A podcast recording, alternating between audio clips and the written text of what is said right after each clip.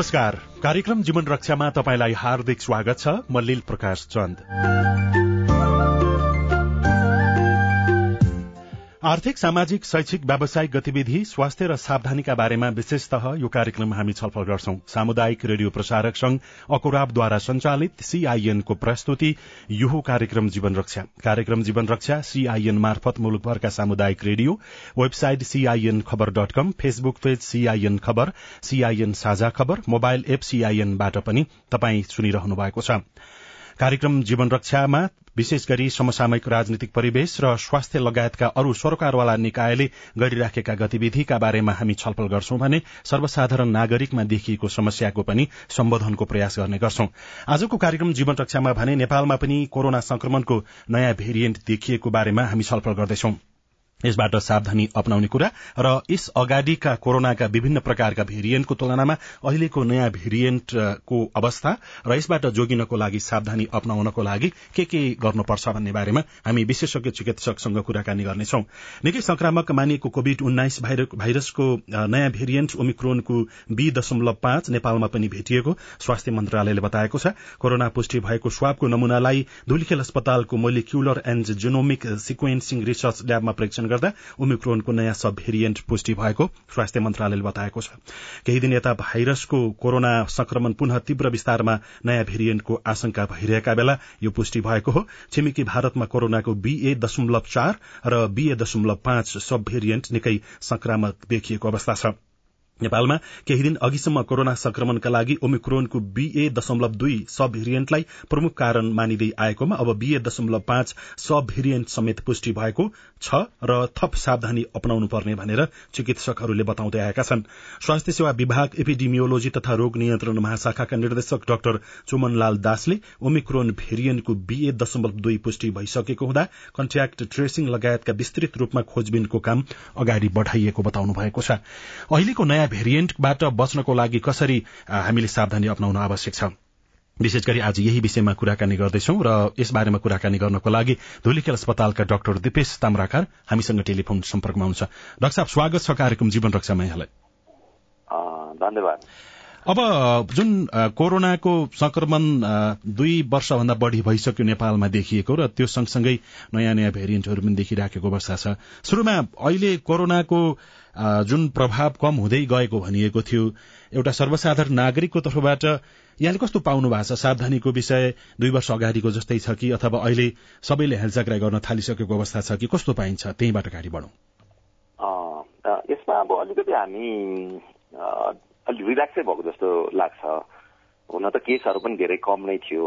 अघिल्लो पछिल्लो समयमा र पचास साठीको हाराहारीमा देखेको थियो त्योभन्दा अगाडि त नौ दस दसभन्दा नि कम सिङ्गल डिजिटको नम्बरहरू थियो।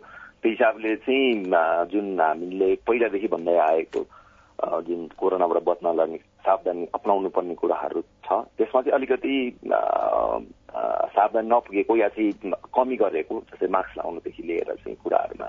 मा चाहिँ यसमा चाहिँ अलिकति कमी नै देखिन्छ अहिले बजारहरूमा हिँड्दाखेरि पनि धेरै कम नै मास्क छ अब हस्पिटलमा पनि पहिला पहिला चाहिँ लगभग लगभग सय प्रतिशतले मास्क लाउँथ्यो भने अहिले चाहिँ दस बिस प्रतिशत मान्छेहरूको पनि मास्क नलाइकन चाहिँ जुन चाहिँ हामीले अब हस्पिटललाई चाहिँ अलिक बढी नै जोखिम ठाउँ भन्छौँ। त्यहाँ पनि यसरी चाहिँ आएको छ।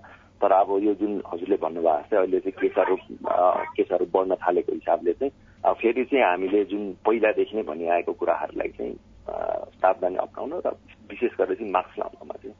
जोड दिनुपर्छ जस्तो कोरोना संक्रमणबाट जोगिनको लागि अब दूरी कायम गर्ने कुरा र सावधानी अप्नाउने मिचमिची हात धुने सरसफाईको कुराहरू भनेर दुई वर्ष त सरकार लगायत सरकारवाला निकाय सबैले त्यो प्रकारको सूचना प्रवाह गरे। नागरिकमा त्यो प्रकारको हेलजाग्राई देखिनुमा हुन त स्वयं व्यक्ति नै यसमा प्रमुख जिम्मेवार हो किनभने अरू आएर हात धोइदिने अथवा त्यो दूरी कायम गरिदिने विषय हुँदैन। यो संक्रमण दर कम भएका कारणले नागरिकमा त्यस्तो हेलचाक्राई बढ्यो होला कि अथवा त्यो संक्रमण भइसके पनि खास धेरै व्यक्तिको मृत्यु भएन भन्ने त्यस्ता प्रकारका खबर पनि आइराखेका छन्। यसले पनि कहीँ न कहीँ नागरिकलाई सरसफाई गर्ने अथवा दूरी कायम गर्ने कुराहरू सावधानी अप्नाउने कुरामा त्यति धेरै चासो अथवा चिन्ता नभएको होला। म पनि त्यही नै त्यही नै जस्तो लाग्छ किनभने हामीले अब वरिपरि हेर्दाखेरि पनि जब चाहिँ अलिकति केसहरू चाहिँ कम हुन थाल्छ सबैजना चाहिँ अलिक रिल्याक्स हुन्छ होइन। सरकारले पनि सूचना त दिइरहेछ तर जोडसोड नदिने या मिडियाहरूले पनि जब चाहिँ केसहरू अब बढिसकेपछि अब हामीले जसरी चाहिँ मिडियाले रोल प्ले गरिरहेछौँ यसपछि चाहिँ आशा छ। जसरी चाहिँ पहिला चाहिँ हामी हाम नागरिकहरूले चाहिँ यो जुन सावधानी उपायहरू छ होइन एसएमएस भन्छौँ होइन यो हात धुने अनि त्यसपछि गएर चाहिँ दुरी कायम गर्ने र मास्क लाउने यसलाई चाहिँ फेरि अप्नाउनु पर्ने अर्को बिचमा चाहिँ के पनि भइसकेको छ भने जुन यो मृत्यु दर कम भएको भन्नमा चाहिँ अब यसमा चाहिँ मृत्यु दर कम हुनमा एउटा ठुलो रोल चाहिँ भ्याक्सिन हुन्छ। यसमा चाहिँ सरकारले राम्ररी भ्याक्सिनेसनको कभरेज चाहिँ गर्न पनि यो जुन दुई वर्ष डेढ वर्षको अन्तरालमा चाहिँ भ्याक्सिन कभरेज चाहिँ राम्रो भएको छ। अब जो जो छुट्नु भएको छ उहाँले पनि भ्याक्सिन लाउनै पर्छ। किनभने भ्याक्सिनले एउटा कुरा चाहिँ के गर्छ भन्दाखेरि चाहिँ मृत्यु हुनुबाट र हस्पिटलाइजेसन हस्पिटलमा भर्ना हुनबाट चाहिँ जोगाउँछ चाहिँ यो पुष्टि भइसकेको छ। यसले सङ्क्रमणमा त्यति अहिले विशेष गरेर जुन नयाँ सब भेरिएन्ट आएको छ ओमिक्रोनको यो जुन बढेको छ किनभने हाम्रो देशमा त लगभग लगभग पचासी प्रतिशत नब्बे के अरे अठार वर्षभन्दा माथि नब्बे प्रतिशतभन्दा माथि नै छ। अरूमा पनि बाह्र वर्षभन्दा माथिकोलाई पनि भ्याक्सिन त पचासी प्रतिशतभन्दा माथि नै लगाइसकेको अवस्थामा चाहिँ यो जुन सब भेरिएन्टहरू चाहिँ अहिले जुन भ्याक्सिन लगाइसकेपछि पनि रिइन्फेक्सन हुने या चाहिँ ब्रेक थ्रु भन्छौँ होइन भ्याक्सिन लगाएकोहरूलाई पनि इन्फेक्सन गराउन सक्ने क्यापेसिटीको छ यो जुन अहिलेको जुन सब भेरिएन्ट अहिले विश्वभरि फैलिएको छ यो बिए पाँच ओमिक्रोनकै सब भेरिएन्ट हो नयाँ भेरिएन्ट होइन ओमिक्रोनको पाँच चार र दुई पोइन्ट बाह्र भनेर भनेपछि यो तिनवटाले चाहिँ जुन इम्युन इम्युनिटी जुन हामीले डेभलप गरेको हुन्छ त्यसको अगेन्स्टमा चाहिँ इन्फेक्सन गराउन सक्ने या सङ्क्रमण गराउन सक्ने त्यसको क्षमता रहेको छ। र यो जुन जसले भ्याक्सिन लाउनु भएको छैन उहाँले भ्याक्सिन लाउनै पर्यो होइन?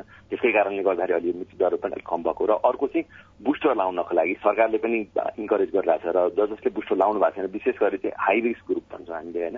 साठी वर्षभन्दा माथिको र जसको चाहिँ बढी चाहिँ संक्रमण हुने चान्स छ उहाँहरूले चाहिँ बुस्टर चाहिँ लाउनु पर्ने अहिले अब देशैभरिको अवस्था हेर्दाखेरि कोरोना संक्रमण दर बढ़दै गइराखेको तथ्याङ्कहरूले देखाइराखेका छन्। अब धुलीखेल अस्पतालको स्थिति के छ? त्यतातिर जस्तो एक महिना अगाडि दुई महिना अगाडिको तुलनामा अहिलेको कोरोना संक्रमण दर अथवा जो व्यक्तिमा कोरोना पुष्टि भइराखेको छ उहाँहरूमा देखिने प्रभाव त्यो लक्षणहरू पहिले दुई वर्ष अगाडिकै जस्तो देखिन्छ कि अथवा केही परिवर्तन भइराखेको देखिन्छ?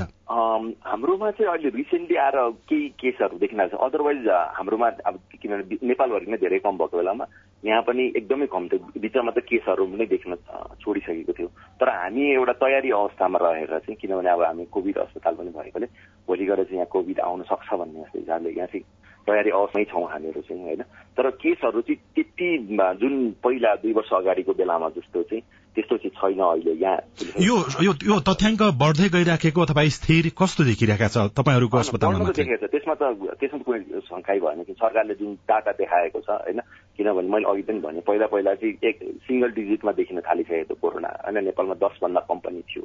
एउटा समयमा। अहिले आएर पचास साठीको उसमा चाहिँ छ। र यसले चाहिँ के दिन दिनौँ दिन चाहिँ हाम्रो चाहिँ नम्बर अफ बढ्दैछ भनेपछि चाहिँ यसले चाहिँ हाम्रो अहिले केसहरू बढ्दै गएको अवस्था देखिएको छ। अब लक्षणहरूको कुरा गर्दाखेरि कस्तो छ?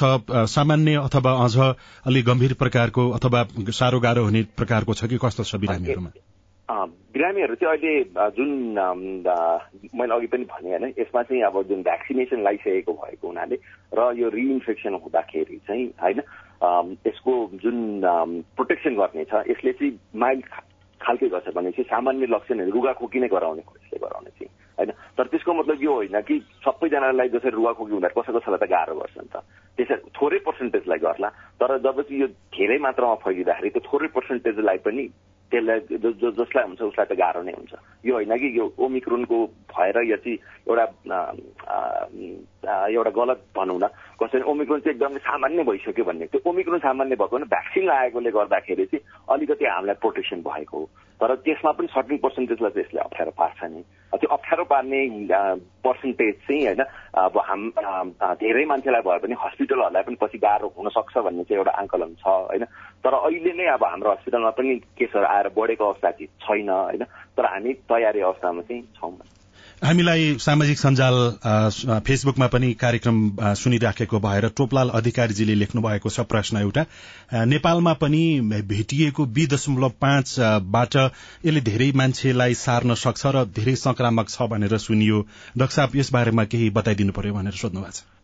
ए जुन उहाँले थुप्लाजीले भन्नुभएको त्यो सही हो यो चाहिँ के देखिएको छ अहिलेसम्ममा जुन भाइरसमा चाहिँ सबभन्दा बेसी ट्रान्समिट हुने भाइरस यही भनेर भन्छ जस्तो योभन्दा अगाडि चाहिँ जुन मिजल्स भन्छौँ हामीले दाजुरा त्यो चाहिँ सबभन्दा बेसी ट्रान्समिट हुन सक्थ्यो अहिले यो ओमी के अरे कोरोना भाइरस पनि चेन्ज हुँदा हुँदा त्योभन्दा बेसी ट्रान्समिट हुन सक्ने एकजनाले जस्तै बाह्रदेखि अठारजनाले चाहिँ दादुरा सार्न सक्छ भने यो चाहिँ सामान्य अवस्थामा हुने हो भने जुन अहिले भ्याक्सिन नलाएको अवस्था हुने चाहिँ पच्चिसदेखि तिसजनालाई सार्न सक्ने चाहिँ यसको क्यापेबिलिटी भनेको बिए दशमलव पाँच यति धेरै छिटो फैलने प्रकारको छ। फैलिन्छ एकदमै छिटो फैलिन्छ।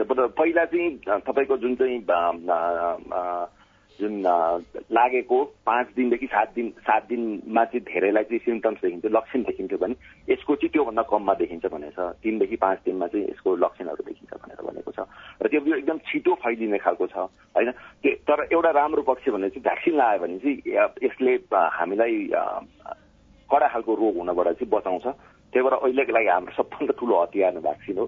जसले बुस्टर लाउनु भएको छ नि त बुस्टर पनि लाउनु चाहिँ यो कोरोनाको यो जुन नयाँ भेरिएन्ट बिए दशमलव पाँच भनिएको छ यसले कोभिड विरुद्धको खोप लगाएका व्यक्तिहरूलाई पनि आक्रमण गर्न सक्छ भन्ने त्यस्तो प्रकारको स्थिति हो कि होइन अहिले? हो एकदमै हो यसमा कुनै होइन। त्यो जुन अघि मैले भनेको ब्रेक थ्रु इन्फेक्सन गराउने भनेको चाहिँ भ्याक्सिन लगाइसकेको मान्छेलाई या पहिला पनि कोरोना भइसकेको मान्छेलाई चाहिँ यसले इन्फेक्सन गराउन सक्छ। तर त्यसको मात्रा चाहिँ अब सिभियर हुनुभन्दा अलिकति सामान्य चाहिँ हुन्छ भन्ने हो तर यसले गराउन सक्छ। हस् समय दिनुभयो। यहाँलाई धेरै धेरै धन्यवाद छ जानकारीको लागि रक्षा धुलीखेल अस्पतालका डाक्टर दिपेश ताम्राकार हुनुहुन्थ्यो र पछिल्लो समयमा देखिएको भनेको कोविडको नयाँ भेरिएन्ट र थप सावधानी अप्नाउनु पर्ने बारेमा हामीसँग कुराकानी गर्दै हुनुहुन्थ्यो। अब हामी स्वास्थ्य मन्त्रालयतर्फ लाग्दैछौं। स्वास्थ्य मन्त्रालयले विशेष गरी कोविड उन्नाइसको संक्रमण दर कम गर्नको लागि अर्थात थप नयाँ भेरिएन्ट आए पनि त्यसबाट बच्नको लागि के कस्तो रणनीति बनाइराखेको छ भन्ने बारेमा कुराकानी गर्नको लागि स्वास्थ्य तथा जनसंख्या मन्त्रालयका सहप्रवक्ता डाक्टर समीर कुमार अधिकारी अहिले हामीसँग सम्पर्कमा हुन्छ डाक्टर साहब स्वागत छ कार्यक्रम जीवन यहाँलाई हजुर नमस्कार धन्यवाद। सुरुमा त अब यही नयाँ भेरिएन्टतर्फ पनि लागौं। यद्यपि यो भेरिएन्टको बारेमा केही यो देखिएको हो देखिएको होइन भन्ने बारेमा विभिन्न थरीका कुरा आइराखेका छन्। यहाँहरूको अध्ययन अनुसन्धान कहाँ पुगिरहेछ? डाक्टर साहब के छ त्यहीँबाट अगाडि बढौँ। नयाँ भेरिएन्ट भनेर नयाँ भेरिएन्टकै रूपमा त अहिलेसम्म नेपालमा त्यस्तो पुष्टि भएको नयाँ त छैन। तर हामीसँग भइरहेको नेपालमा अहिले पछिल्लो समय संक्रमण पुष्टि भइरहेको भनेको ओमिक्रोन नै संक्रमण हो। ओमिक्रोनको नयाँ लिनेजहरू नयाँ सब भेरिएन्ट भनौँ। अब त्यस्तो खालको चाहिँ देखिराखिएको अवस्था छ। यसभन्दा अगाडि पनि स्वास्थ्य मन्त्रालयले राष्ट्रिय जनस्वास्थ्य प्रयोगशालामा परीक्षण गरेको मध्ये नयाँ लिनेज देखिएको जुन अलिक बढी संक्रमण हुन सक्ने भन्ने कुराहरू जानकारी गराइएको थियो। र स्वास्थ्य मन्त्रालयलाई प्राप्त भएको पछिल्लो जानकारी अनुसार गएको असार पन्ध्र गते धुलिखेल हस्पिटलमा परीक्षण गरिएको नमुना संक्रमण पोजिटिभ पुष्टि भएपछि सत्र गते शुक्रबार परीक्षण गर्दाखेरि त्यसमा चाहिँ sub variant ओमिक्रोनको sub variant BA five point two पुष्टि भएको भन्ने जानकारी हामीले भर्खर प्राप्त गरेका छौँ।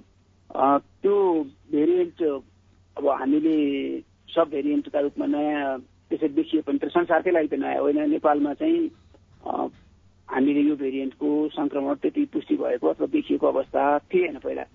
अब यो नयाँ देखिए पनि अब हामीसँग भइरहेको संक्रमणको जोखिम हामीले पहिल्यैदेखि नै देखिराखिएकोलाई नजिकबाट निगरानी गर्ने व्यवस्थाहरू स्वास्थ्य मन्त्रालयले नजिकबाट व्यवस्थापन गर्ने कामहरू चाहिँ गरेको छ। त्यो भनेको कुनै पनि संक्रमण कहाँ छ कसरी छ र कस्तो खालको भेरिएन्टले अथवा कस्तो खालको त्यो भेरिएन्टमा आएको परिवर्तनहरू भइरहेको छ भनेर सिक्वेन्सिङ गर्ने व्यवस्थाहरू मिलाइएको छ। संक्रमण कहाँबाट आइरहेको छ कस्ता मानिसहरूलाई भइरहेको छ भन्ने कुराहरू पनि निगरानी गर्ने काम गरिराखिएको छ। त्यसका अतिरिक्त संक्रमणहरूको खोज पडताल गर्ने र उपचार व्यवस्थापनका लागि अस्पतालहरू चुस्त दुरुस्त राख्ने स्वास्थ्य कर्मीहरूलाई त्यसै अनुसार चुस्त दुरुस्त राख्ने कामहरू स्वास्थ्य मन्त्रालयले गरिरहेको छ। यहाँनिर दुईटा कुरा। एउटा चाहिँ अब भेरिएन्ट र सब भेरिएन्ट भनेर हामीले बुझ्दाखेरि सरसर्ती सरल भाषामा बुझ्दाखेरि भेरिएन्ट भनेको हामीले कसरी बुझ्ने र नयाँ भेरिएन्ट जस्तो नेपालमा भइराखेको संक्रमण भित्रीबाट अर्को कुनै देखियो भने सब भन्ने हो कि अथवा बाहिरबाट भित्रिएकोलाई भेरिएन्ट भन्ने हो कि कस्तो हो यो अन्यल चाहिँ चिरिदिनु पर्यो यहाँलाई? हामी आम सर्वसाधारणले बुझ्दाखेरि यो भाइरसको बनावट प्रोटिनले बनेको हुन्छ। प्रोटिनको पनि आफ्नो किसिमका प्रकृतिका प्रोटिनहरू हुन्छन्।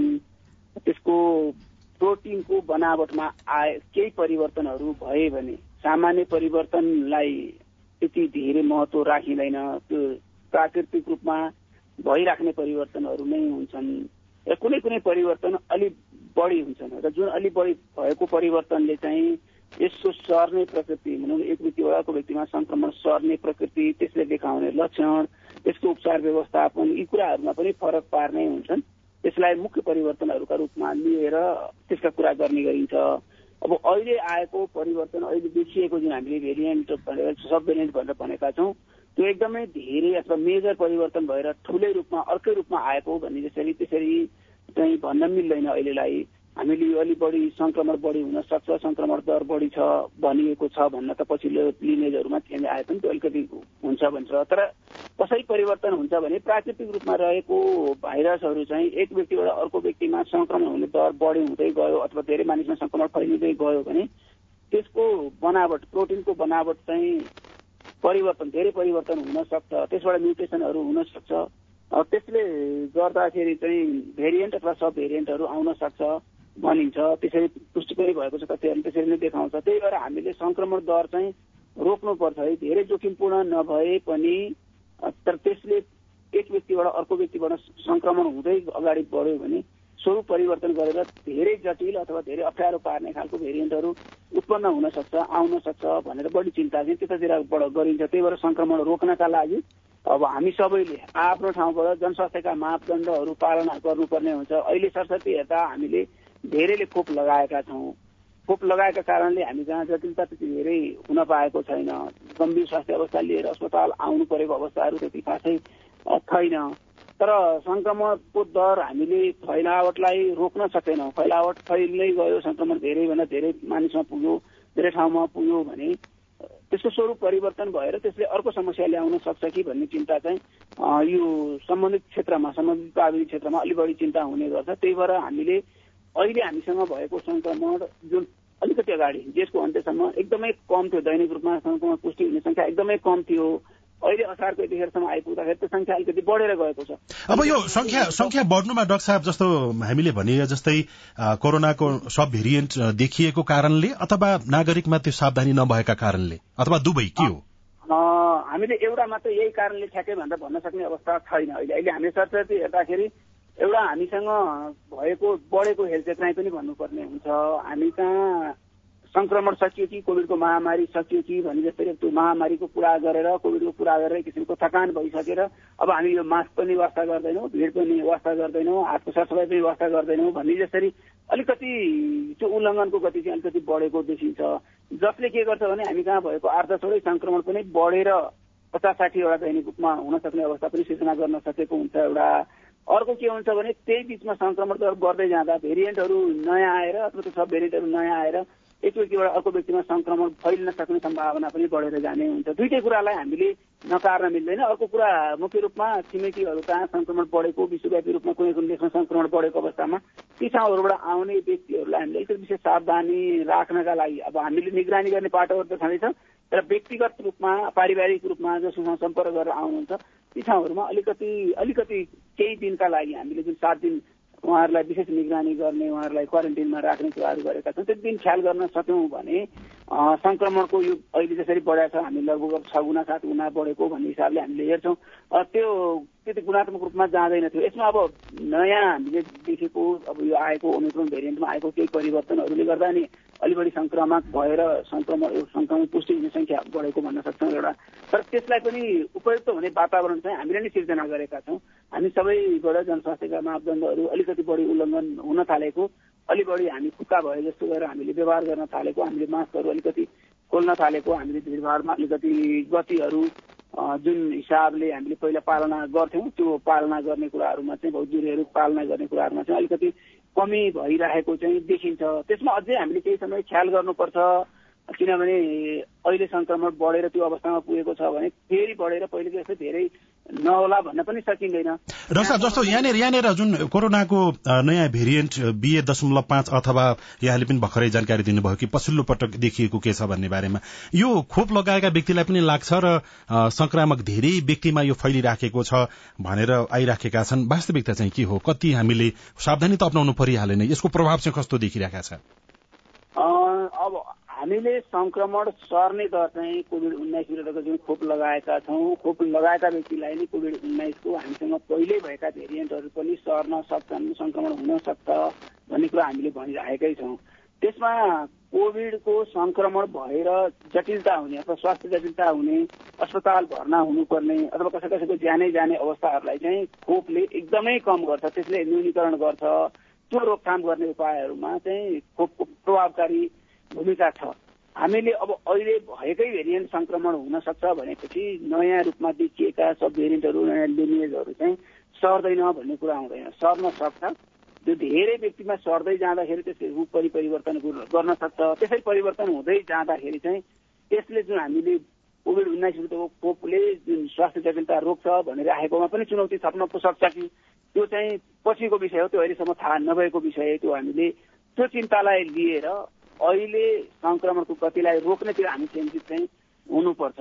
त्यही भएर खोप लगाएका नलगाएका सबै व्यक्तिले जनस्वास्थ्यका मापदण्डको पालना गर्न चाहिँ चुक्नु हुँदैन। अब स्वास्थ्य मन्त्रालयको तर्फबाट हामीले पछिल्लो जाँच गरिएको धुलिखेल अस्पतालमा यो कोरोनाको सब भेरिएन्ट यहाँ देखियो भनिराखेका छौँ। अब देशभरका सबै स्वास्थ्य संस्थाको तयारी र थप सावधानी अप्नाउनको लागि नागरिकलाई सचेत बनाउने सन्दर्भमा स्वास्थ्य तथा जनसंख्या मन्त्रालयले त्यो कुनै रणनीति बनाएर लागू गरिसक्यो कि अथवा भरिभोलिमा यहाँहरू छलफल गर्दै हुनुहुन्छ? होइन हामी कोभिड उन्नाइस संक्रमणको महामारी सकिएको छैन। त्यसको सबै कुराहरूलाई सबै पाटोहरूलाई हेरेर अस्पतालहरू स्वास्थ्य कर्मीहरू हाम्रा प्रवेश नाकाहरू आम सर्वसाधारणहरूलाई तयारी अवस्थामा रहन र सचेत रहन बारम्बार अनुरोध गरि पनि राखेका छौँ। अस्पतालहरूलाई त्यसै अनुसार व्यवस्थापन गरिएका छन्। प्रयोगशालाहरूलाई पनि त्यसै अनुसार निर्देशनहरू गरिएका छन्। उहाँहरू आफ्नो नियमित रूपमा यो कोभिड उन्नाइसको महामारी अझै पनि छ र यसको जोखिमलाई नजिकबाट निगरानी गर्नुपर्छ भनेर लागिरहनु भएको छ। यो पाटो संस्थाको स्वास्थ्य संस्थाको हिसाबले रह्यो। तर आम सर्वसाधारणको पाटोबाट हामी सबैजनाले आफ्नो ठाउँबाट गएको दुई वर्षभन्दा बढीमा जुन महामारी भोगेर जे सिकेका छौँ त्यो सिकेको कुराहरू चाहिँ अहिले तत्कालै हामीले बिर्सिने अथवा तत्कालै व्यवहारबाट उल्लङ्घन गर्ने बेला भएको छैन। त्यसलाई त अझ हामीले अर्को पुस्तासम्म सिकाउने गरी गयौँ भने अब अहिले त मनसुनको बेला छ। मनसुनको बेला हुन सक्ने खालका संक्रामक रोगहरू पनि रोक्नका लागि चाहिँ त्यही जनस्वास्थ्यका मापदण्डले महत्वपूर्ण भूमिका खेल्छन्। त्यसभन्दा पछि अरू किसिमका संक्रामक रोगहरू आए भने पनि यस किसिमको माध्यमबाट सर्ने खालका संक्रामक रोगहरूलाई रोक्नका लागि यही हामीले सिकेका जुन हामीले जनस्वास्थ्यका मापदण्डहरू भनेका छौँ भौतिक दूरी कायम गर्ने हातको सरसफाइमा ख्याल गर्ने साबुन पानीले हात धुने सेनिटाइजर प्रयोग गर्ने मास्क प्रयोग गर्ने भिडमा नजाने मास्क पनि समुचित तरिकाले प्रयोग गर्ने मास्कको व्यवस्थापन पनि समुचित तरिकाले गर्ने यी कामहरू हामीले निरन्तर चाहिँ गर्न आवश्यक छ। यो कोभिड उन्नाइसको वर्तमान संक्रमणलाई लिएर भविष्यको संक्रमणलाई मध्यनजर गरेर र हामीले अरू किसिमका संक्रमण जुन देखिन्छ अरू किसिमका संक्रामक रोगहरूको संक्रमण रोकथाम नियन्त्रण गर्नका लागि पनि यसको एकदमै धेरै महत्व छ। यो कुरा हामीले अहिले तत्कालै बिर्सिने तत्कालै व्यवहारबाट उल्लङ्घन गर्न चाहिँ हुँदैन। तर डाक्टर साहब जस्तो अब अहिले विमानस्थलमा पनि अब मास्क लगाउन भनिराखेका हुन्छ तर अधिकांश व्यक्तिहरू बिना मास्क यात्रा गरिराखेको देखिन्छ भने सहर बजारमा मास्कको अलिक प्रचलन धेरै देखिन्छ तर बाहिर जति जति हामी अलि गाउँ घरतर्फ पुग्दै जान्छौँ त्यतातिर सार्वजनिक स्थानदेखि सार्वजनिक सवारी साधनमा समेत मास्कको प्रयोग त त्यहाँ कसैले लगा जसले लगाउँछ त्यो मान्छेप्रतिको हेराइ मान्छेहरूले अझ फरक ढङ्गबाट लिने जस्तो देखिरहेको छ जसले यतिखेर हामीलाई सुन्दै हुनुहुन्छ। तपाईँ के भन्न चाहनुहुन्छ डाक्टर साहब? हामी त्यस्तो गर्ने बेला भइसकेको छैन। अझै पनि हामीले अलि ख्याल गर्नुपर्ने बेला छ केही समय अझै हामीले सावधानीहरू लिनुपर्ने बेला छ। हामी सबैजनालाई जहाँ मान्छेबाट मान्छेको भेट हुन्छ आफ्नो घर परिवारभित्रको सन्दर्भमा कसैलाई सन्चो छैन अथवा कसैलाई त्यो किसिमको शङ्का छ भने उहाँलाई अलग्गै राख्ने कुराहरू भए त्यहाँभित्र हामीले मास्क नलाइकन बस्न सक्छौँ अरू सावधानीहरू यसो ख्याल गरेर अरू हेरेर। तर त्यसभन्दा बाहिर हामी निस्किसकेपछि हामीले हरेक व्यक्तिमा चाहिँ शङ्का गरेर मान्छेबाट मान्छेको दूरी र एक व्यक्तिबाट अर्को व्यक्तिमा निस्किने त्यो निस्कन सक्ने अथवा सम्भावित हुन सक्ने कुनै पनि संक्रमणहरू रोकथाम नियन्त्रण गर्न भौतिक दूरी र मास्कलाई चाहिँ हामीले त्यहाँ ख्याल गर्नुपर्ने हुन्छ। त्यसभन्दा बाहेक आएपछि घरमा आएपछि अथवा आफ्नो स्थानमा आइसकेपछि राम्रोसँग हात धुने काम चाहिँ हात धुने बानी चाहिँ हामीले विकास गर्नुपर्ने हुन्छ। त्यही भएर मान्छेबाट मान्छेको दूरी र मान्छेबाट मान्छेको सतर्कता संक्रमणको हिसाबले हामीले अझै पनि गाउँमा सहरमा अथवा जुनसुकै ठाउँमा पनि हामीले ख्याल गर्नुपर्ने हुन्छ। विशेष त मान्छे मान्छेसँग मान्छे भेटघाट हुने खालका गतिविधि हुने ठाउँहरूमा भिडभाड हुने ठाउँहरूमा सार्वजनिक यातायात चढ्दाखेरि यी सबै ठाउँहरूमा चाहिँ हामीले अझै ख्याल गर्नुपर्ने हुन्छ। अन्त्यमा अब काठमाडौँ उपत्यकामा यो यो त कोरोनाको कुरा भयो र यता हैजाको पनि संक्रमण फैलिराखेको भनेर आइराखेको छ। स्वास्थ्य मन्त्रालयको पछिल्लो के छ जस्तो हिजो अस्तिसम्म अठार बिसजनामा कता देखियो भनिराखेको थियो। अहिले नियन्त्रणमा भइसकेको अथवा थप कोसिस भइराखेको कुरा केही छ? जानकारी दिन मिल्ने? अब काठमाडौँ उपत्यकाका विभिन्न ठाउँमा गरेर अहिलेसम्म सत्रजनामा हैजाको संक्रमण पुष्टि भएको छ। तर त्यसभन्दा बाहेक हामीले समुदायमा खोज पडताल गर्ने अरू कामहरू गर्ने अगाडि बढाउ बढाएका छौँ। अब शङ्कास्पद अथवा त्यो हैजासँग मिल्दोजुल्दो लक्षण भएर स्वास्थ्य कर्मीसँग सम्पर्कमा जानेहरूको सङ्ख्या त्योभन्दा बढी हुन सक्छ। यसका सन्दर्भमा हामीले सबै स्थानीय तहहरूबाट स्वास्थ्य कर्मीहरू परिचालनदेखि लिएर घर दैलो कार्यक्रमदेखि सबै कामहरू स्थानीय तहहरूले गरिराख्नु भएको छ। र मुख्य रूपमा अहिले मनसुनको समय हो वर्षायामको समय हो पानीका स्रोतहरू प्रदूषित हुन सक्छन्। त्यो पनि विशेष त हामीले कहीँ कतै त्यसरी खुला रूपमा शौचालय गर्ने बानी छ भने त्यसले पानीका स्रोतहरू दूषित गर्नलाई प्रदूषित गर्नलाई एकदमै महत्वपूर्ण भूमिका निर्वाह गर्छन्। त्यस्तो हुन नदिन हामीले खुला रूपमा शौचालय गर्ने अवस्था छ कहीँ कस्तै छ भने त्यसलाई पूर्ण रूपमा बन्देज गर्नुपर्ने हुन्छ। शौचालयको प्रयोग गर्ने हामीले सर्पीको प्रयोग गर्ने बानी विकास गर्नुपर्ने हुन्छ। जसले गर्दा पानी परेर त्यसलाई बगाएर पानीका स्रोतहरूसम्म गएर प्रदूषण गर्ने खालको वातावरण सिर्जना हुन दिँदैन। त्यसपछि हामीले घरमा शौचालय प्रयोग गर्ने गरेका छौँ। हामीले शौचालय प्रयोग गरिसकेपछि साबुन पानीले राम्रोसँग हात धुने बानीहरूको राम्रोसँग व्यवहार गर्नुपर्ने हुन्छ। त्यसलाई कहिले पनि हेलचेक्राइ गर्नु हुँदैन। अर्को खानेकुराहरू तयार गर्नुभन्दा अगाडि र खाना खानुभन्दा अगाडि अब आफ्ना बालबालिकालाई खाना खुवाउनुभन्दा अगाडि त्यतिखेर चाहिँ राम्रोसँग साबुन पानीले हात धुने बानी हामीले गर्नुपर्ने हुन्छ।